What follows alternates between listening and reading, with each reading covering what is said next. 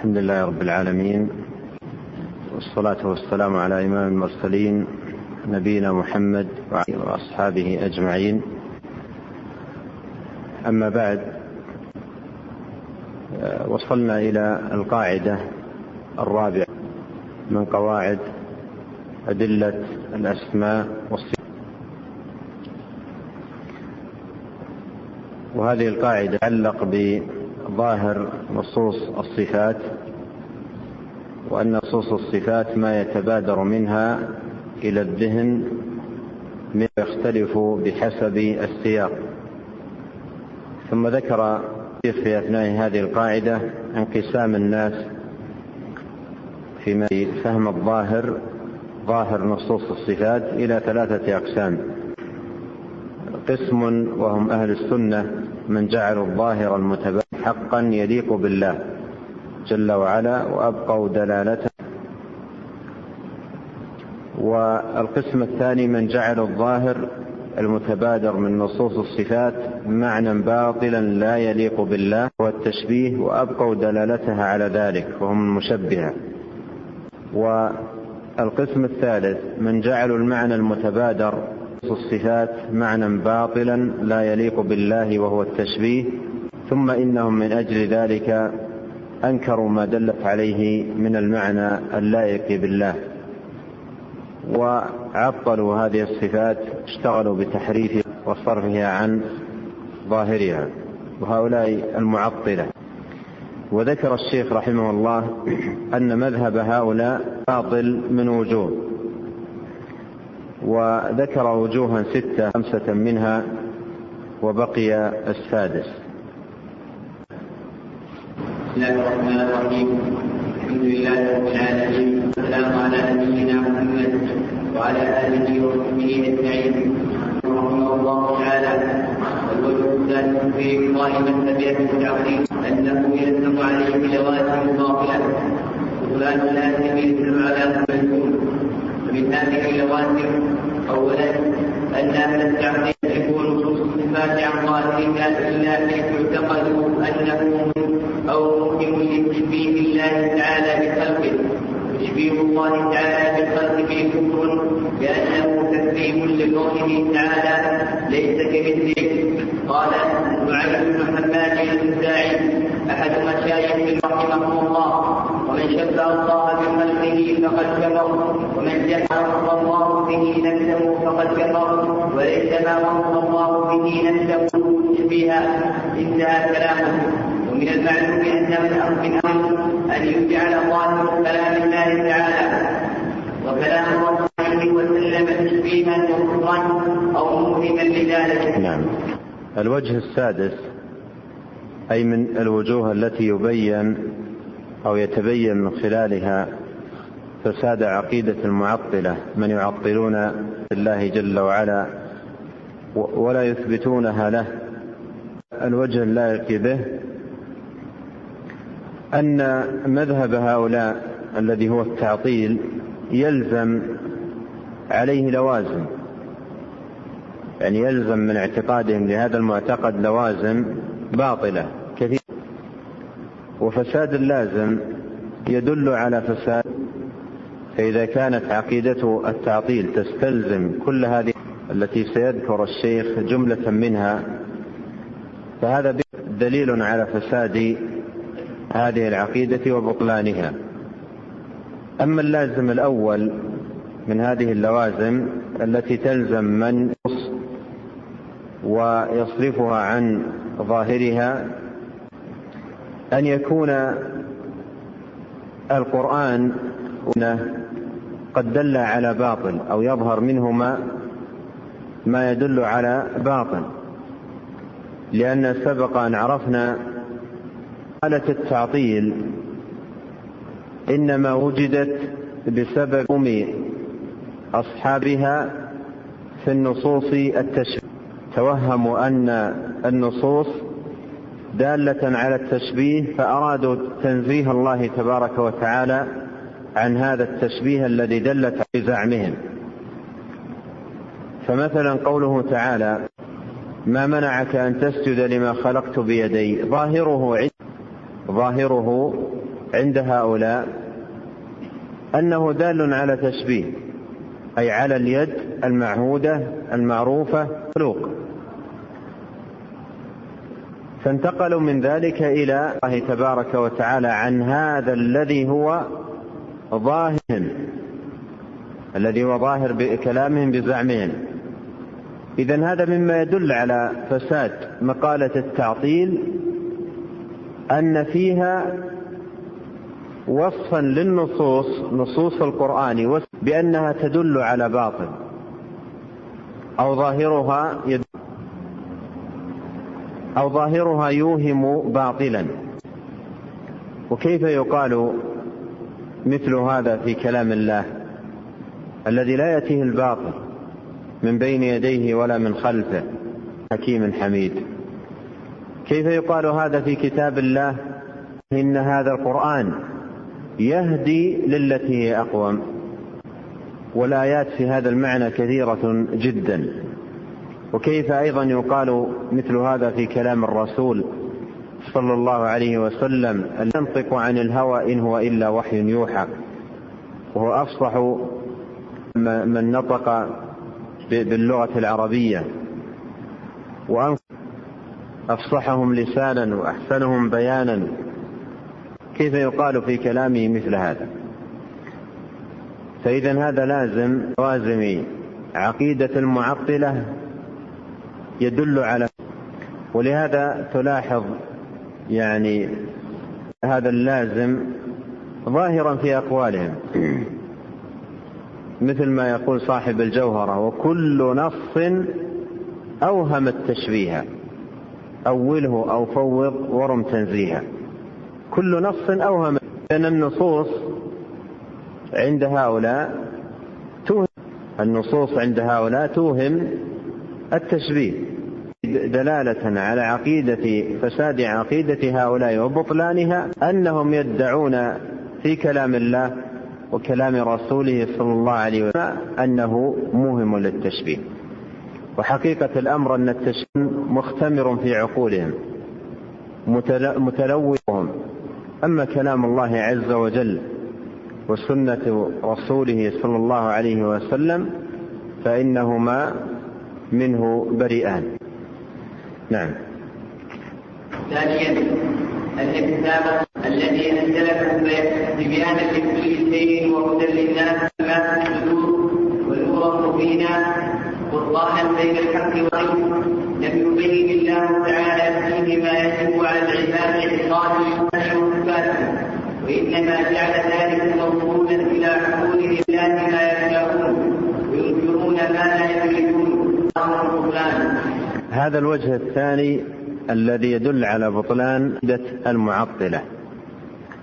يقال للمعطل على ضوء هذا الوجه هذه العقيدة التي تقولها وتدعو اليها أهي مبينة في القرآن مبينة النبي الكريم عليه الصلاة والسلام أم أنها توصلت إليه عقولكم واستخرجتموه بأفكاركم. هي عقيدة لا وجود لها في القرآن ولا وجود لها النبي عليه الصلاة والسلام ولهذا تراهم عندما على معتقدهم لا يقولون قال الله قال رسوله صلى الله عليه وسلم لأن العقيدة التي يدعون إليها ليست في القرآن ولا في السنة وإنما هي نتاج العقول هي نتاج العقول لا وجود لها في القرآن ولا في السنة. والقرآن والسنة في الوقت نفسه بزعم فيه أشياء كثيرة توهم اعتقاد باطل واعتقاد منحرف.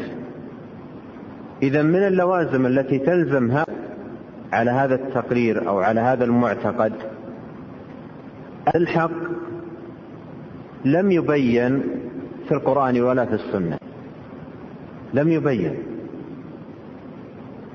لم يبين في القرآن ولا في السنة. ووالله إنك لتعجب عندما ترى كتب هؤلاء. اعتقاد ثم يبنيه من أوله إلى آخره القرآن وعلى غير الحديث. فلا ترى فيه آية من كتاب الله ولا حديثا عن رسول الله صلى الله عليه وسلم. بل إنك إن وجدت الآية أو الحديث فقد سيقت لترد. لترد. يعني مثلا يقرر نفي العلو. وفي أثناء ذلك يقول قيل لك الرحمن على العرش استوى فالجواب كذا وكان عرش استوى لماذا جيء بها هذه الآية؟ جيء أما العقيدة مقررة بدون الآية لأنه قررها بالعقل آه، يلزم كذا ويلزم كذا ولو كان كذا لكان كذا انتهت العقيدة بدون قرآن وبدون حديث. ثم يقول فإن قيل لك فيأتي بآية. ولهذا الآيات تذكر كما يقول شيخ الإسلام بن تيمية ذكر من قصد أصلا يعني أتى بها من أجل أن يرد صوده بإتيانه بالآية أو الحديث. إذا من لوازم هؤلاء من لوازم التي تلزم هؤلاء كل على فساد معتقدهم أن المعتقد الحق لم يبين في القرآن ولا في السنة. وإنما ترك إلى ماذا؟ إلى عقول هؤلاء. إلى عقول هؤلاء. عقول هؤلاء عقول متفاوتة. وأفهامهم متلة وليسوا على عقل رجل واحد. ولهذا قائدهم شتى. ومذاهبهم متباينة. تبعا لتباين عقولهم. بل إن الواحد منهم يعتقد اليوم معتقدا وينتقل منه آه، في الغد إلى معتقد آخر. ولهذا كان يقولون في ذم هؤلاء إياكم والتنقل إياكم والتنقل في الدين. لأن هذه طريقة من جعل مصدر العقيدة ومنبعها عقله. نعم. النبي صلى الله عليه وسلم وخلفاء الراشدين كانوا وسلف الأمة وأئمتها.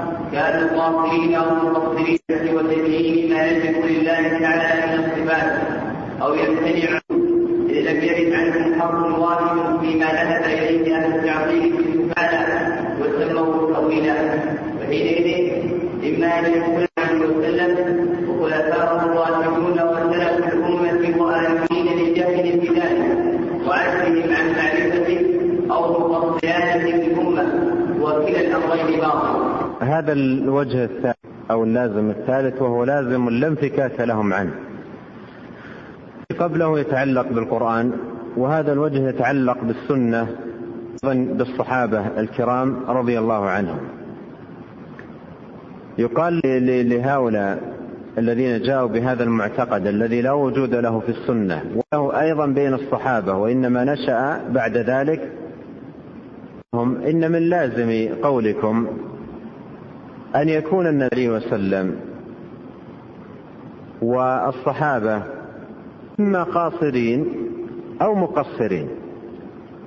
إما قاص أو مقصرين. قاصرين عن فهم الحق يعني لم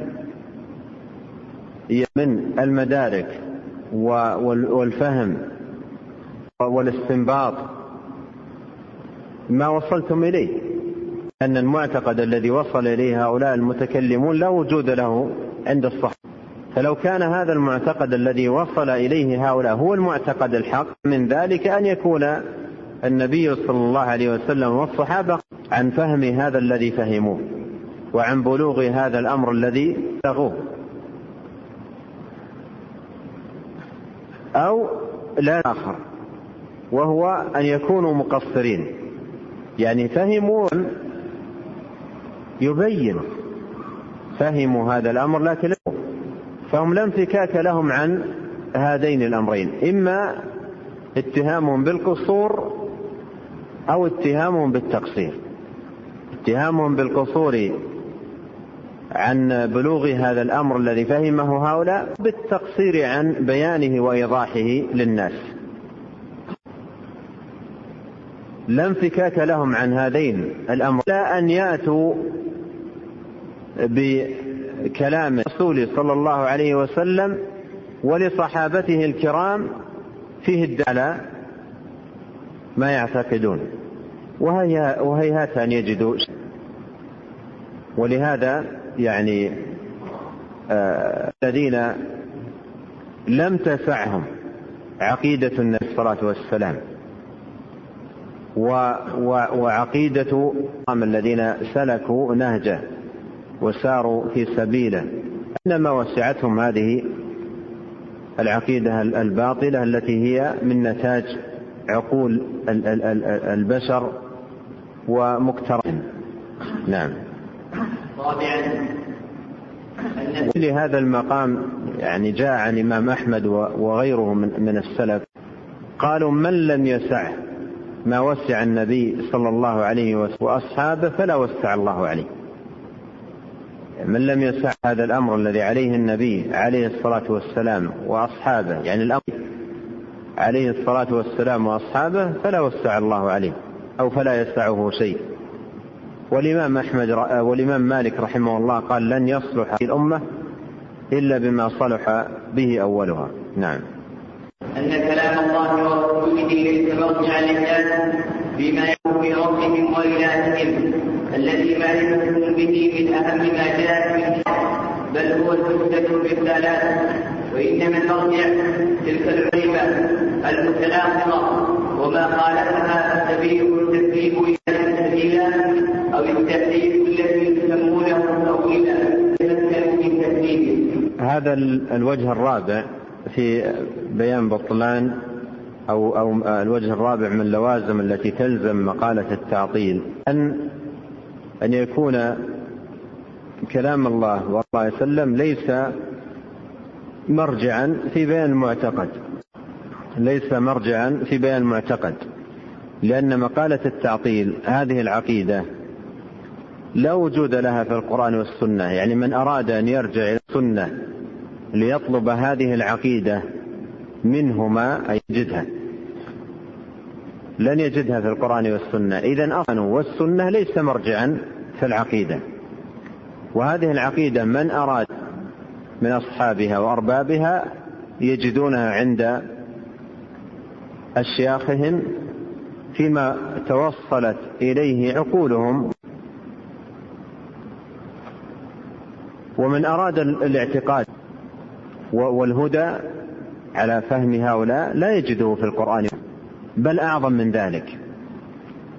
وأمر سبق أن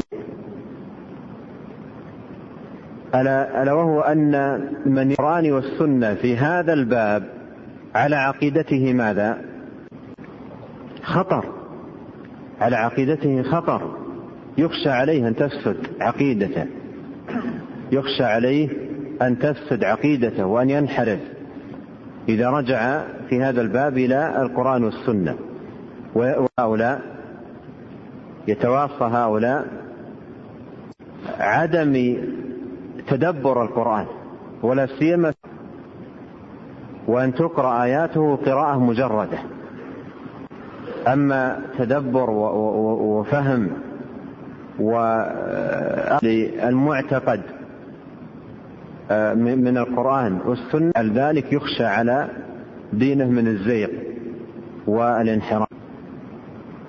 والاعتقاد الحق لا وجود له في القرآن والسنة. زعم هؤلاء وإنما هو فيما توصلت إليه العقول والأفكار وكفى بهذا اللازم دلائل المقالة وفسادها. يطلب المعتقد الحق من كتاب الله وسنة نبيه صلى الله عليه وسلم ويطلب مما عند هؤلاء ومما جاءوا به من ولاحظ قول الشيخ في تمام الإلزام وإنما المرجع تلك العقول المضطربة. وما خالفها يعني خالف هذه العقول فالسبيل كذيب.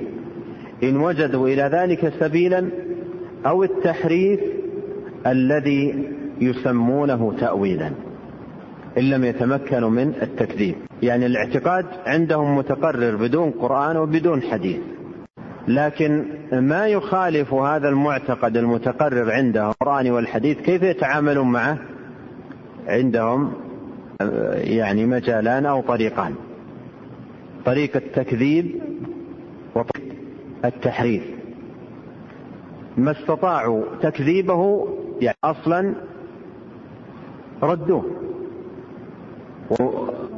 ورده اشتغلوا بتحريفه تحت مسمى القرآن لا يستطيعون تكذيبه رده. والسنة دخلوا من مدخل هؤلاء وهو أن خبر خبر الآحاد لا يحتج به في الاعتقاد.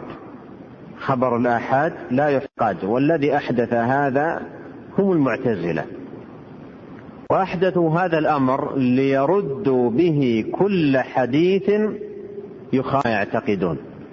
هذا المقصود من هؤلاء من أن خبر الآحاد لا يحتج به في الاعتقاد به هؤلاء كل حديث يخالف ما يعتقدون. ولهذا لو كان الحديث عن ويؤيد ما يعتقدون قبلوه. ولو كان متواترا ويخالف ما يعتقدون هذا رد كثير من الأحاديث المتواترة. والقوم ليسوا من لكنهم جاءوا بهذه الكلمة يون عليه لرد الحديث. ولهذا في ما فيما يخالفتهم من الأخبار الصحاح يقولون عن هذا ولا يحتج به في الاعتقاد. وتنطلي المقالة تلاميذهم وعلى وعلى الجهال من الناس. بينما القرآن تعاملوا معه تحريف وهذه يعني وهذه الطريقة. التكذيب هي من الأصول التي يعني قرر لهم أشياخهم وساروا عليها. وقد نقل ابن القيم في كتابه الصواعق المرسلة أسر بن قياس المريسي وهو من كبراء المعتزلة أنه ليس شيء أبغض إلى من القرآن والحديث. فقابلوا نصوص القرآن بالتحريف وقابلوا نصوص السنة بهذا النص. قابلوا نصوص القرآن وقابلوا نصوص السنة بالتكذيب. هذه قاعدة مريسية. مريسية وضعها بشر لمن هم على على نهجه القاعدة السلفية. القاعدة السنية. قول الإمام أحمد بما وصف به نفسه وما وصفه به رسوله صلى الله عليه وسلم لا نتجاوز القرآن والحديث. بطريقة أهل السنة ونهج السلف. وأولئك يقولون ليس شيء أبغض. من القرآن والحديث فقابل نصوص القرآن بالتحريف وقابل نصوص السنة بالتكذيب. وهنا يقول الشيخ رحمه الله ما هم فسبيله التكذيب إن وجد ذلك سبيلا أو التحريف الذي يسمونه تاويلا إلا من تكذيب تحريف وتكذيب تحريف وتكذيب نعم. أنه يلزم منه جواز نفي ما أثبته الله عليه وسلم. فيقال في قوله تعالى وجاء ربك إنه لا يأتيه وفي قوله صلى الله عليه وسلم ربنا إلى السماء الدنيا إنه لا يحسن لأن إسناد الله مجاز عندهم وأقرب علامات المجاز عند صحة صحة ونفي ما صحة نفي صحة نفيه نفي ما أثبته الله. صحة نفيه ونفي ما أثبته من أفضل الباطل. نعم. نعم. وأظهر علامات المجاز به صحة نفيه فاصلة ونفي الله ورسوله صلى الله عليه وسلم من أبطل الباطل. الامتثال عنه بتأويله إلى سياق هذا الوجه الخامس من الوجوه التي تدل على آه، أو اللوازم التي من يقول بمقالة التعطيل. والمع عندما عطلوا نصوص الصفات كل ما يعتقدون من نصوص الصفات في القرآن أو الحديث ادعوا فيه المجاز. يعني يقول الله جل وعلا وجاء ربك وقوله ربنا هذا مجاز. في النصوص الصفات يقولون هذه ليست حقا هي مجاز. والمجاز أخص أوصافه وأظهرها عند القائلين به نفيه كما في المثال يعني يعرف به المجاز جاء الأسد وهو يقصد إنسان. يقصد بدليل أنه يصح أن تنفي تقول لا ليس بأسد. فأخص أوصاف المجاز صح. وتكفي هذه الصفة للمجاز. تكفي هذه الصفة للمجاز لرده. وعدم القرآن والسنة لأنه إن قيل في القرآن والسنة فإن هذا يعني أن في القرآن والسنة ما يصح. وانظر الباب الواسع للباطل أهل الباطل تحت شعار ولهذا المجال أهل البدع. مطية أهل البدع. ركبوا هذه المطية بها دلالات كتاب الله ونبيه صلى الله عليه وسلم. وكل ما من الظواهر التي تخالف ما, ما يعتقدون يقولون هذا مجاز. والمراد كذا. عندما يقولون والمراد كذا يثبتون ماذا؟ يثبتون العقيدة التي هم بعقولهم. وتحت مسمى المجاز يردون العقيدة التي دل عليها القرآن. يعني خذ المثال الذي جاء ربك. ماذا تدل عليه هذا؟ ماذا تدل عليه من عقيدة؟ تدل على أن سبحانه وتعالى بنفسه يجيء. أضاف المجيء إلى نفسه قال وجاءك. فيتدل على أنه سبحانه بنفسه يجيء يوم فصل القضاء والحكم بين العباد وهذا من كمال عدله وواسع فضله سبحانه. هذا الذي تدل عليه الآية وهو المعتقد الحق والآية ظاهرة في الدلالة عليه. وهؤلاء لا يعتقدون تدل عليه الآية فماذا صنعوا؟ قالوا وجاء ربك مجاز عليه القرآن هذا خلاف الحقيقة. خلاف الحق إنما هو مجاز. ما الحقيقة؟ الحقيقة هي الشيء الذي توصلوا إليه بعقولهم. إذا أصبح لقب المجاز آه، مطية يردون بها يظهر من القرآن ودلالات القرآن مما يخالف يعتقدون. مما يخالف ما يعتقدون. وأشار الشيخ رحمه الله أن أظهر صفات المجاز عند صحة نفيه. فهل في القرآن والسنة ما يصح أن ينفى؟ ثم انظر من الذين تولوا في, في, في, في القرآن والسنة. أيضا ماذا ترتب على نفي من التعطيل لكلام الله وكلام رسوله صلى الله عليه وسلم وأيضا تعطيل الرب؟ عز وجل عن صفات الكمال ونعوت الجلال الله سبحانه وتعالى. بهذا التعقيد من قال قاعدته في جميع على الاسماء الله. منهم الثلاثه فأثبت بعض الصفات دون بعض. كالأشعرية والماتريديه أثبتوا ما أثبتوه من العقل يدل عليه. ونفوا ما نفوه بحجة ان العقل ينفيه فنقول لهم نفيكم لما نفيتموه بحجة يمكن إثباته بالطريق العقلي الذي اثبت ما اثبتموه كما هو ثابت بالدليل السمعي لذلك انهم اثبتوا صفة الإرادة ونفوا صفة الرحمة. لدلاله السمع والعقل عليها.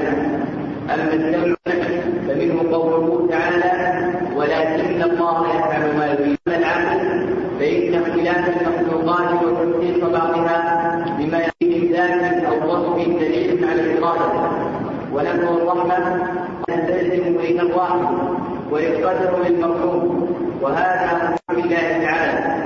واول الادله السمعيه المثبته للرحمه الفعل فسروا الرحيم بالمنعم أو فنقول له الرحمة ثابته لله تعالى.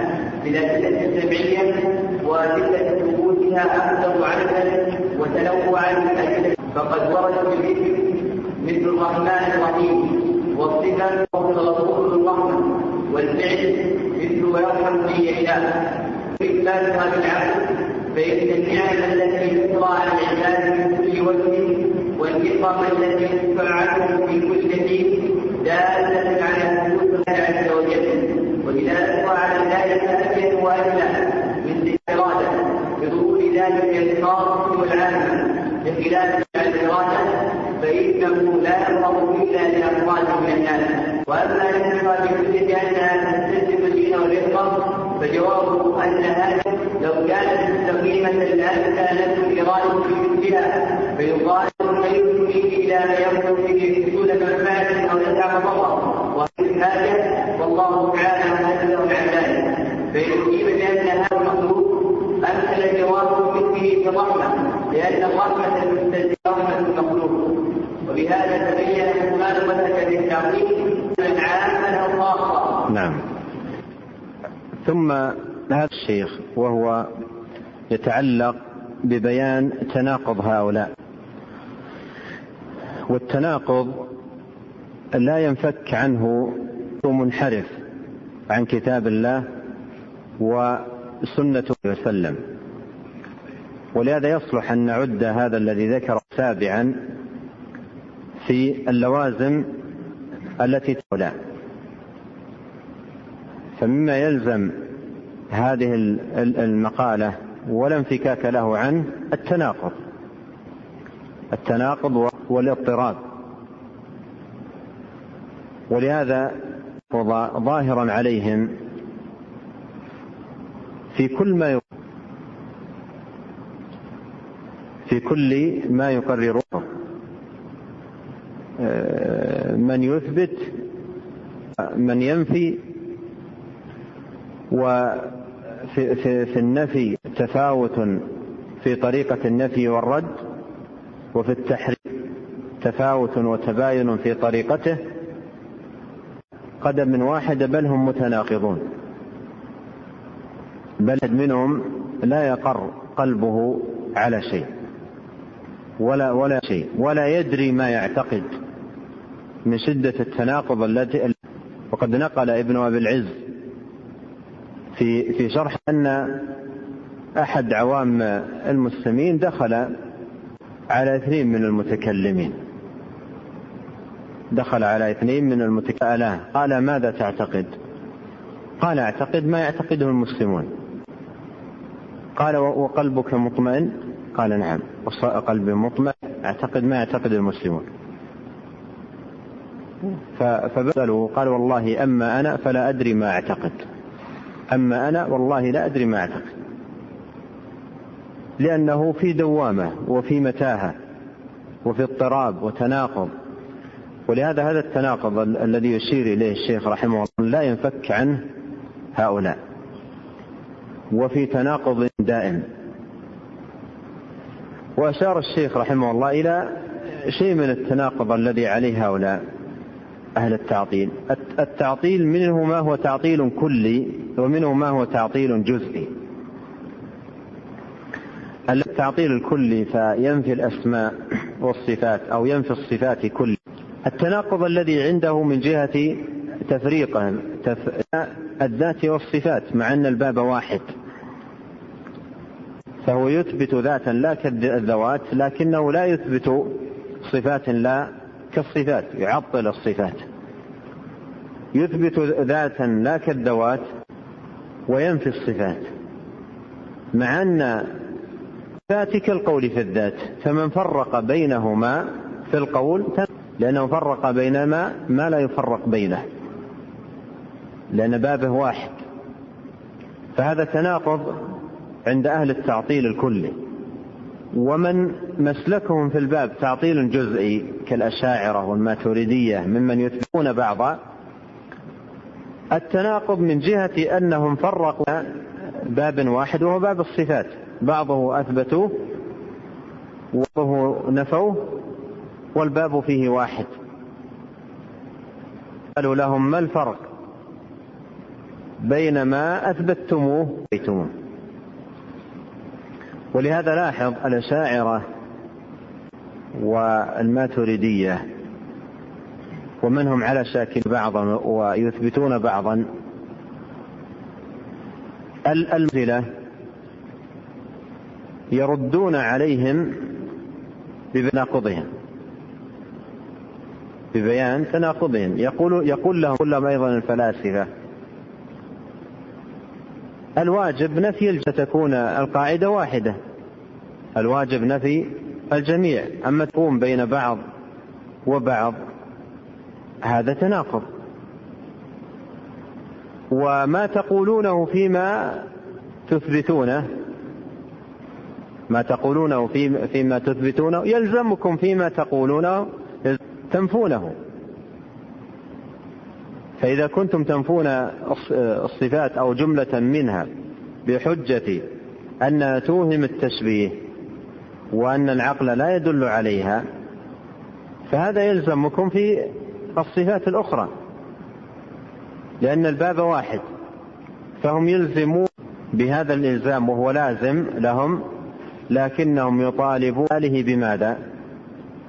بالنفي الجميع أهل السنة والجماعة يلزمون الأشاعرة بهذا الإلزام لكنهم يريدون منهم ماذا؟ أن يثبتوا الجميع يريدون منهم أن أن يثبتوا الجميع. يسلم من هذا المعتقد الذي فيه تناقض بين بعض ونفي بعض. ولهذا من القواعد التي قررها أهل السنة قديما فالرد على هؤلاء القول في بعض الصفات كالقول في الآخر. وهذه قاعدة. وأيضا القاعدة الأخرى القول في صفات كالقول في الذات. فمن فرق فقد تناقض. فمن فرق فقد تناقض. ولهذا من اللوزم يعني آه، مقالة التعطيل التناقض ولا انفكاك له. ثم بين الشيخ رحمه الله آه، طريقة في الرد على هؤلاء المتناقضين ولا سيما من يثبت بعض الصفات وينفي بعضها.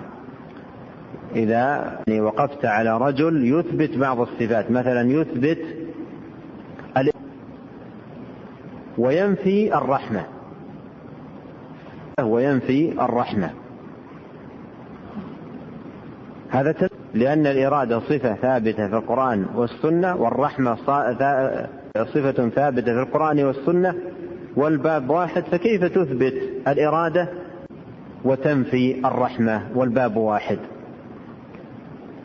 الله ذكر طريقة جيدة ونافعة يعني بالمثال للرد على هؤلاء وبيان من تناقض فيقول فيما يتعلق بالأشياء والماتريدية الذين يثبتون البعض وينفون البعض أنهم يدعون أنهم أثبتوا ما أثبتوه بحجة أن العقل يدل عليه. نفوا ما نفوه بحجة أن العقل ينفيه أو لا يدل عليه. مثال نفسه الآن ال ال الإرادة والرحمة. صفتان دل عليهما القرآن ودلهما السنة. الأشاعرة يثبتون الإرادة ولا يثبتون الرحمة. وكل فيها إثبات صفة الإرادة لله مؤولة عندهم على أن المعني بها الإرادة. كل آية رحمة لله عز وجل يقولون عندها أي أراد ينعم ينعم عليهم. يقولونها إلى الإرادة. بل بل صفات الله عز وجل الفعلية ليس فقط الإرادة ليس فقط الرحمة صفات الله الفعلية مثل والرحمة والسخط والمقت وغيرها كلها مؤولة على الإرادة لأنهم لا يثبتون هذه الصفات فهي كلهم فهي كلها مؤولة عندهم على الإرادة. ولهذا عند هذه كلها بدون استثناء يقولون أي أراد كذا. فلماذا يفعلون هذا؟ يقولون لا على ثبوت الإرادة. و آه، لا, لا, لا يدل على ثبوت الرحمة. يعني الإرادة دليلها العقلي بزعمهم الواضح وأما الرحمة عقلي. وهم لا يثبتون من الصفات إلا ما دل عليه. أما القرآن فهذا لا يؤخذ منه معتقد. فنقول لهم نفيكم لما نفيتموه بحجة أن العقل يدل عليه يمكن إثباته بالطريق. وهذه فقط يعني للإلزام ولبيان عليه هؤلاء. فأنتم الآن تنفون تنفون الإرادة بحجة تنفون الرحمة بحجة أن العقل لا يدل عليها. وتثبتون الرحمة بحجة وتثبتون الإرادة بحجة أن العقل دل عليها. أن العقل يمكن إثباته بالطريق العقلي. الذي أثبتوه كما هو ثابت بالدليل السمعي. الإرادة والرحمة. هاتان الصفتان كلتاهما تأتان بالسمع والعقل. بالسمع والعقل. مثل بالإرادة والرحمة قال أثبتوا صفة الإرادة لدين والعقل عليها.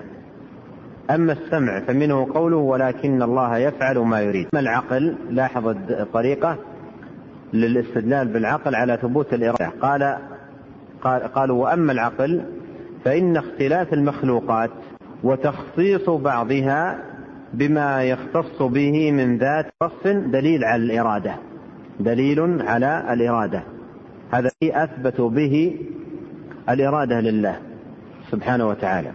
يعني لولا أنهم اكتشفوا هذا الدليل العقلي لما أثبتوا الإرادة من خلال قوله ولكن الله يفعل ما يريد. لولا أنهم اكتشفوا هذا الدليل العقلي من قوله ولكن الله يفعل ما يريد. آه ونفوا الآن أثبتوا الإرادة لدليلها العقلي ونفوا الرحمة. قالوا وهذا أيضا دليل عقلي من من من ينفون به الرحمة عن الله. قالوا لأنها تستلزم الراحم تستلزم لين الراحم ورق للأم وهذا محال في حق الله تعالى. لين ورق هذه لوازم للرحمة بها أو الرحمة عن الله. بها نفوا الرحمة عن الله. من أين جاءوا جاءوا بهذه اللوازم؟ من أين جاء جاءوا بهذه اللوازم؟ من التشبيه. من التشبيه.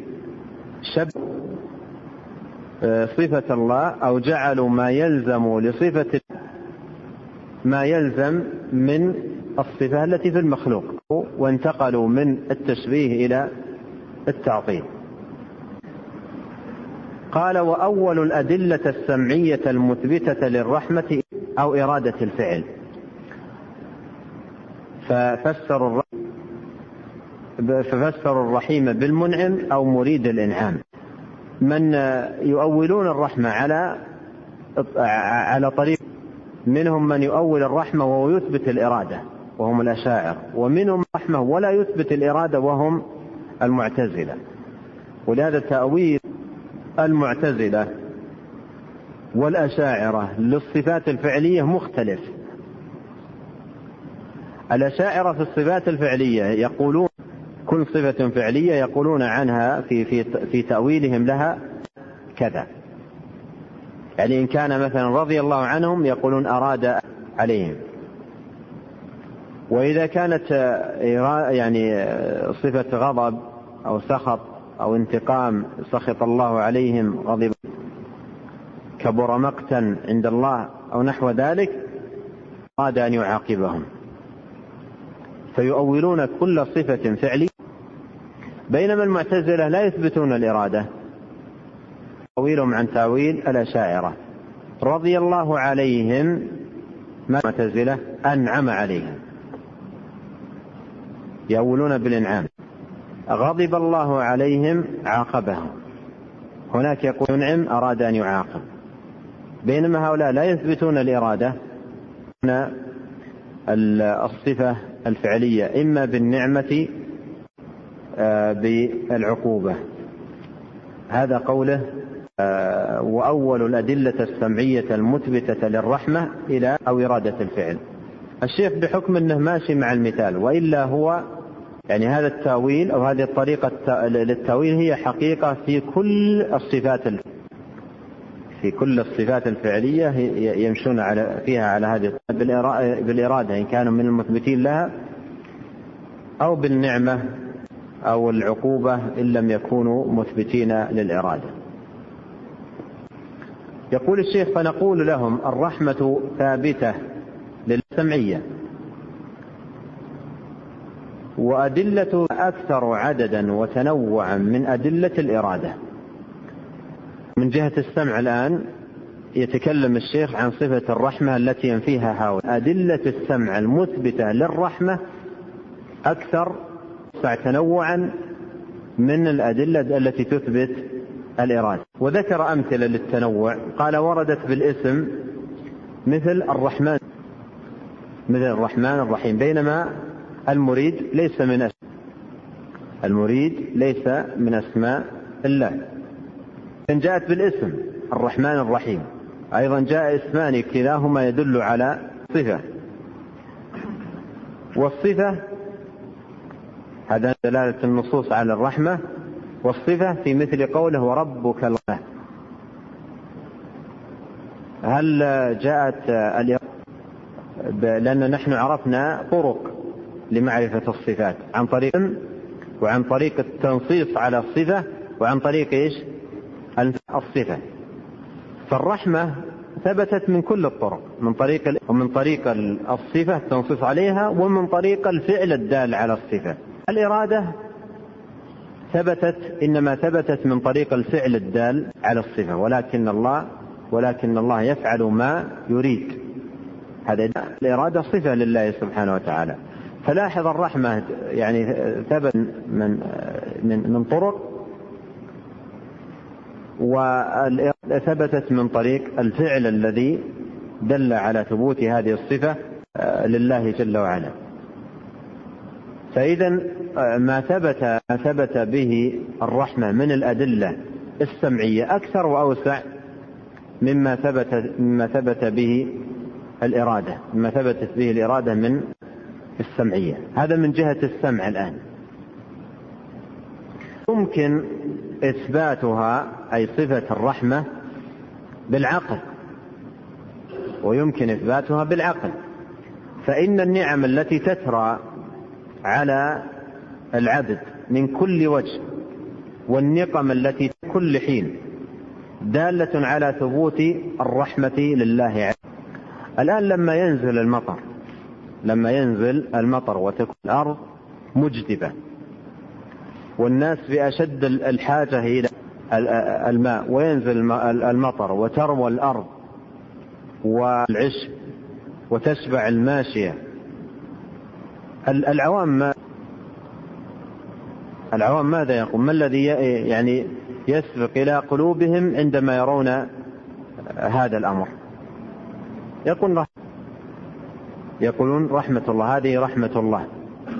فهذه النعم هي دليل على الرحمة. الرحمة. كما أن النقم والعقوبات الدليل على الدليل على الغضب والسخط ما نزل إلا بذنب وما رفع إلا إلا بتوبة. قال والنقم التي تندفع عنهم في كل حين دالة على ثبوت ودلالتها على ذلك أبين وأجلى من دلالة على الإرادة لظهور ذلك للخاصة والعامة. بخلاف دلالة التخصيص على الإرادة فإنه لا يظهر إلا لأفراد من الناس. يعني دليل الدليل العقلي المثبت للرحمة أوضح من الدليل العقلي المثبت للإرادة. ثم انتقل إلى وجه آخر في رد الدليل العقلي الذي نفوا به ماذا؟ الرحمة. لأن لاحظ عند هؤلاء إثبات للإرادة بدليل عقلي ونفي للرحمة بدليل عقلي. فالآن الشيخ سيبين أن الدليل العقلي الذي نفوا به الرحمة ليس صحيحا. بل يلزمهم فيه التناقض بين ما, بين ما أثبتوه وبين ما نفوه. يقول أما نفيها بحجة أنها تستلزم اللين والرقة فجوابه أن هذه الحجة لو كانت مستقيمة وأن لها أن تكون كذلك لأمكن نفي الإرادة بمثلها. لأمكن نفي الإرادة بمثلها. بل المعتزلة الذين ينفون الإرادة ينفونها بمثل هذا الذي نفى به الرحمة. لا أمكن نفي مثلها فيقال الإرادة ميل المريد إلى ما يرجوه أو إلى ما يرجو به حصول منفعة أو دفع مضرة وهذا يستلزم الحاجة. والله تعالى منزه عن ذلك. هذا دليل عقلي. شبيه بالدليل العقلي الذي نفوا به الرحمة. ماذا يجيب هؤلاء عن الدليل؟ عن هذا العقلي يقول الشيخ فإن أجيب بأن هذه إرادة المخلوق يعني هذه الإرادة التي يلزم منها هذا اللازم إنما هي إرادة المخلوق. ماذا تقول لهم في الرحمة؟ عندما يذكرون لك تلك اللوازم. تقول لهم هذه رحمة المخلوق. ولهذا لاحظ ملاحظ جدا فيما يتعلق بالصفة عندما تضاف إلى الله والصفة عندما تضاف إلى المخلوق. وهذه أيضا قاعدة بينها ابن القيم في بدائع الفوائد. الصفة عندما تضاف إلى الله لها لوازم والصفة عندما تضاف لها لوازم. ولا يجوز أن أن تجعل اللوازم التي تلزم الصفة حال إضافتها إلى الله تبارك وتعالى لازمة للصفة حال إضافتها إلى المخلوق وكذلك العكس. ما يلزم من الصفة عند إضافتها إلى العبد لا يجوز أن يجعل لازما للصفة عند إضافتها إلى الرب. مثال ذلك. استواء المخلوق على الدابة أو على الفلك. ماذا يلزم منه؟ الحاجة. استواءه على الدابة أو على الفلك يلزم منه الحاجة. فلو غرقت الفلك غرق لأنه استواءه عليها عن حاجة. وسقطت الدابة سقط لأن استواءه عليها عن حاجة. هذا لازم صفة من؟ المخلوق هذا لازم صفة المخلوق فلا يجوز أن يجعل لازم صفة المخلوق لازما في ماذا؟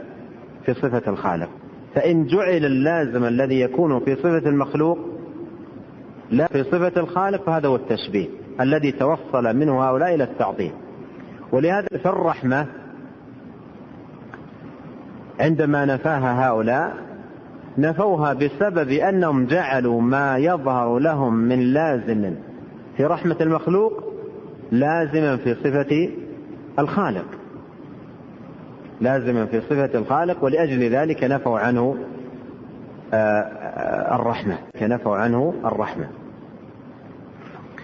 قال فإن أجيب بأن هذه إرادة المخلوق أمكن الجواب بمثله في الرحمة بأن الرحمة المستلزمة للنقص هي رحمة المخلوق.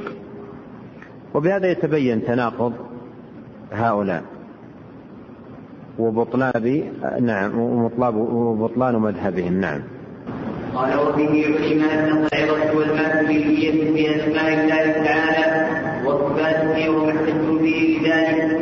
لا تدفع به كفار المعتزله وذلك من وجهين. أحدهما أنه طريق مبتدع النبي عليه النبي صلى الله عليه وسلم الأمة وائمتها والبدعه لا تدفع بالبدعه وإنه السنة.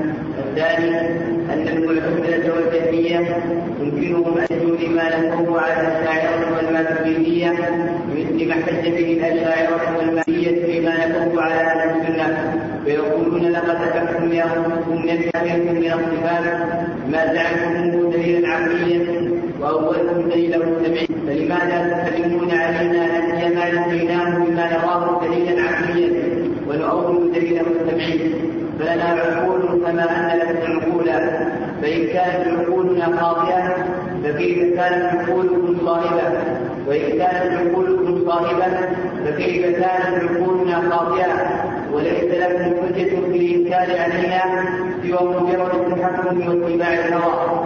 وهذه حجة دامغة وإقدام مخيف من الجهمية والمعتزلة الأشعرية والماتريدية ولا عن ذلك ولا نكف عنه إلا برجوع مذهب السلف الذين ينقضون هذا الباب.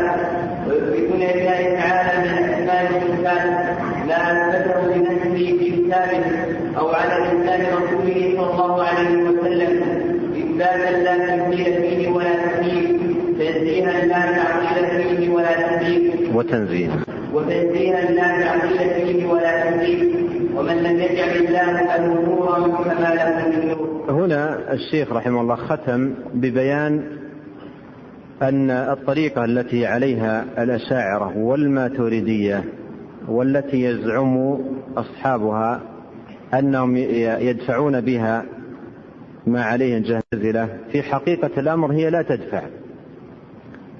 لا تدفع عقيدة الجامية ولا تدفع عقيدة المعتزلة بل إنها تزيد فتح الباب لهم.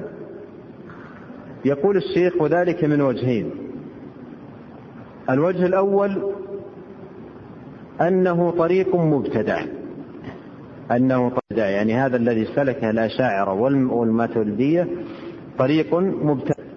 فإذا كان فإذا كان أراد به هؤلاء رد بدعة الجهمية والمعتزلة فالبدعة لا ترد ببدعة والباطل لا يرد بباطل وإنما يرد الباطل بالحق البدعة بالسنة. فإذا هذا وجه في يعني بيان فساد ما عليه هؤلاء وأنه لا تندفع به مقالة الجهمية والمعتزلة. الوجه الثاني أن المعتزلة والجهمية يمكنهم أن يحتجوا لما نفوه على الأشاعرة والماتريدية بمثل ما احتج به الأشاعرة والماتريدية لما نفوه على أهل السنة. لاحظ الآن الجهمية والصفة والمعتزلة عندهم التعطيل الكلي للصفات. تعطيل الكلي للصفات. والأشاعرة عندهم تعطيل جزئي. يثبتون بعضا وينفون بعضا.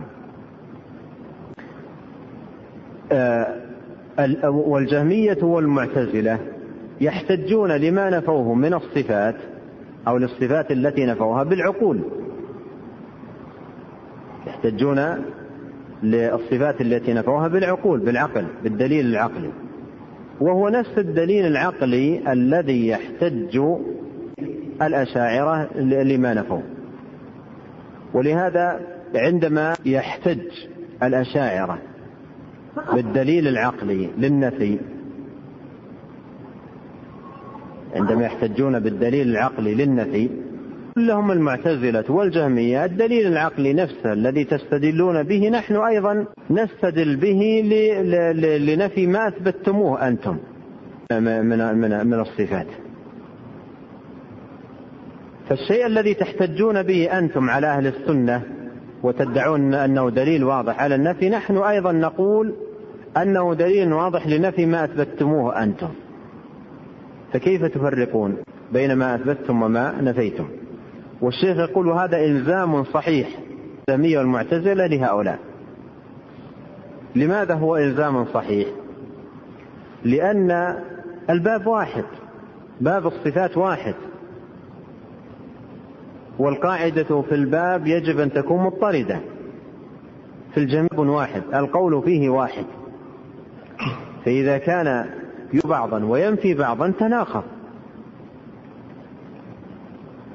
ولهذا إلزام هؤلاء صحيح لكنهم ألزموهم بهذا الإلزام مطالبين لهم به ماذا؟ أن ينفوا الجميع مطالبين لهم أن ينفوا الجميع بينما أهل السنة يلزمونهم بهذا مطالبين لهم إثبات الجميع ولهذا لاحظ يعني خاتمة الشيخ رحمه الله هنا لما ذكر أن هذا الإلزام صحيح من المعتزلة والجهمية للأشعرية والماتريدية وقال ولا يعني يندفع عنهم هذا الإلزام ولا محيص عنه إلا بماذا؟ الرجوع إلى مذهب السلف. فالشيخ يعني يعني يرى أن هذا الإلزام صحيح وهو يطالبهم به بأن يرجعوا. الحق وما عليه للسنة وهي عقيدة ثابتة غير متناقضة وغير مضطربة. نعم. قال رحمه الله تنبيه علم مما سبق ان ممثل وكل ممثل معطل أما تعطيل المعطل وأما تكفيره فلأنه إنما عطل الاعتقاد من أن إثبات الصفات يستلزم التشبيه فمثل اولا معطلا ثانيا كما أنه بتعطيله مثله بالناقض وأما تنزيل الممثل فظاهر. تعطيله من ثلاثة اوجه الأول انه عطل نفس النص اثبت به الصفات حيث جعل فلانا على التكليف مع ان فلان لا نتكلم عليه وانما يدل على صفه الكريم بالله عز وجل الثاني أنه عطل كل نص يدل على نفي مماثله الله لخلقه الثالث انه عطل الله تعالى عن كمال صفاته هنا يعني ما به فيما يتعلق بالمعطلة والمشبهة أو الممثلة. يقول الشيخ أن كل معطل ممثل وكل ممثل معطل وبين ذلك. أما تعطيل المعطل واضح وتمثيل الممثل واضح. لكن الذي يحتاج إلى توضيح تمثيل المعطل وتعطيل الممثل. فكل معطل ممثل كل معطل ممثل هذا من جهتين. يعني كل معطل ممثل مرتين يعني واقع في تمثيلين. تمثيل قبل تعطيله وتمثيل بعد تعطيله. ولهذا كل تعطيل للصفات محفوف بتمثيلين تمثيل قبل التعطيل وتمثيل بعد التعطيل. أما التمثيل قبل التعطيل فهو ماذا؟ توهم التشبيه الذي بسببه حدث أو حصل التعطيل.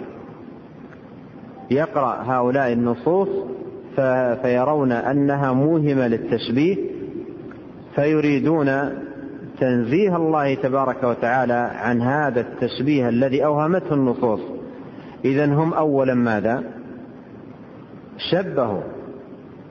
فانبنى على تشبيههم ماذا؟ تعطيل الصفة. ولما عطلوا الصفة ماذا حدث؟ لما عطلوا الصفة نفوا نفوا عن الله صفة كماله ماذا حدث نتيجة هذا التعطيل؟ تشبيه. والتشبيه الذي يحدث أيضا يرجع إلى نوع التعطيل. فاحيانا يكون تشبيها بالجماد واحيانا يكون تشبيها بالعدم واحيانا تشبيها بالممتنع ثلاثة أنواع. يعني ثلاثة أنواع من التشبيه تنبني تب على تعطيل هؤلاء. إن كان نتيجة التعطيل نفي السمع والبصر. فهذا تشبيه لله بماذا؟ الجماد الذي لا يسمع ولا يبصر. وإن كان التعطيل بنفي الصفات. مثل ما يقولون لا فوق ولا تحت ولا عن يمين ولا داخل ولا إلى آخر هذا. هذا تشبيه له بماذا؟ بالعدم ولهذا قال أهل السنة والمعطل يعبد عدما. وإذا كان التعطيل بنفي آه، الشيء في ضده فهذا تشبيه بالممتنعات. يقولون لا فوق ولا ليس بفوق. بعض بعض هؤلاء هذه طريقتهم في النفي فهذا تشبيه بالممتنعات. إذا هناك تشبيه قبل التعطيل وتشبيه بعد وتشبيه بعد التعطيل والتشبيه الذي بعد التعطيل أنواع بحسب نوع التعطيل. قد يكون تشبيها بالجمادات وقد يكون تشبيها بالمعدومات وقد يكون تشبيها بالممتنعات وعليه فكل معطل ممثل. كل معطل ممثل.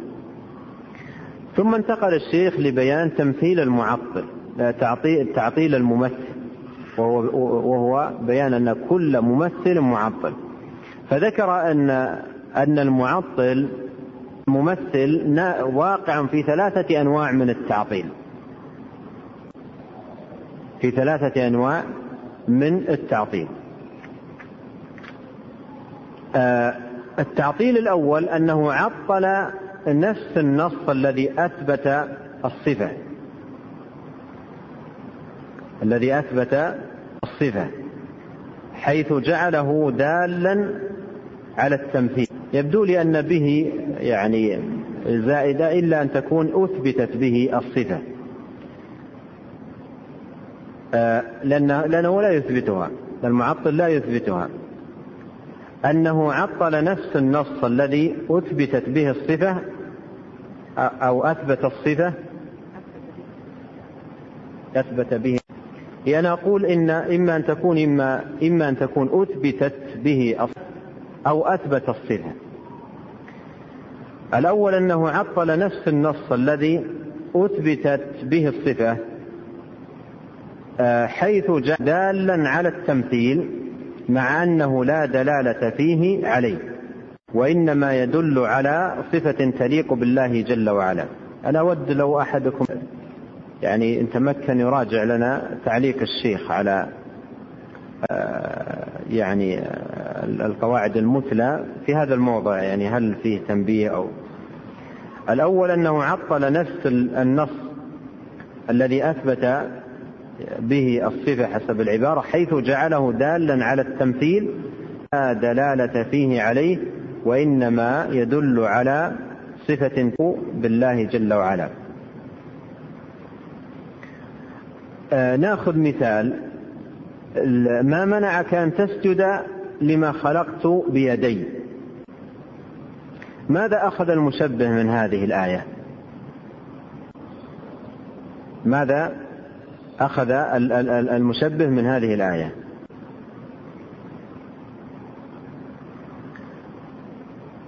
آه، يمكن العبارة تكون مستقيمة يعني أثبت به الصفة على وجه التمثيل. نعم. أثبت به الصفة على وجه التمثيل أنه عطل النص الذي أثبت به الصفة حيث جعله دال التمثيل. فيمكن أن تكون مستقيمة على هذا المعنى. آه، ما منعك أن تسجد لما خلقت بيدي؟ أخذ منها المشبه أخذ منها إثبات الله كأيدي المخلوقين. هل المشبه وهذه حاله. هل أثبت النص أو عطله؟ لأن النص لم يدل على هذا الذي ذهب إليه. لم يدل على هذا الذي ذهب إليه. إذا النص معطل. وهذا قل مثله في كل صفة يأخذ منها المشبه صفة لا. الوجه الثاني أنه عطل كل نص يدل مماثلة الله. مثل ليس كمثله شيء. هل تعلم له سميا لم يكن له كفوا أحد. فهذه كلها مثبتة عند هؤلاء أو معطلة؟ معطلة. إذا هذا نوع ثاني من التعطيل يقع فيه المشبه. النوع الثالث أنه عطل الله الواجب حيث مثله بالمخلوق الناقص. عطله عن كماله الواجب حيث مثله بالمخلوق الناقص. إذا هذه ثلاثة أنواع من التعطيل يقع فيها الممثل. التعطيل الأول أنه عطل آيات الصفات فلم يثبتها والثاني أنه عطل الآيات التي تنفي التمثيل فلم يثبت. والتعطيل الثالث أنه عطل الرب سبحانه وتعالى عن صفات كماله الثابتة له والتي تليق بجلاله سبحانه وتعالى. انتهى الشيخ رحمه الله من القواعد لكن المقام اقتضى الإجابة على يعني إيرادات يريدها هؤلاء على أهل السنة. يقولون إن هناك أحاديث أولها أهل السنة ووقع أهل السنة في في تأويلها.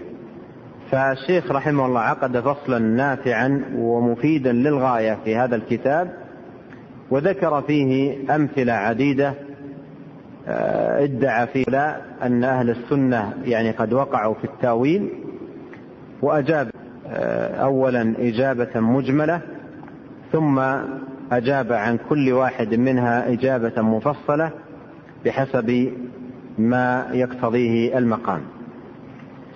ونقف هنا. والله تعالى أعلم. وصلى الله وسلم على نبينا محمد. نؤكد على الإخوة أن غدا بعد الدرس وآخر موعد لتسليم البحوث. وما مثل ما حصل في المرة الأولى مطالبات و وإنما الذي يتيسر سلم والذي ما تيسر ندعو له وندعو الجميع بالتوفيق والسداد. نسأل الله السلام على محمد. بسم الله الرحمن الرحيم. نبدا الاخوات لأنه يتم ايصال أخبار عن طريق بعض الأخوة الذين يؤثرون نطلب من الإخوة الذين مستعدين لهذه الاسئله أن يكونوا يخاطبون بذلك. والله أكبر.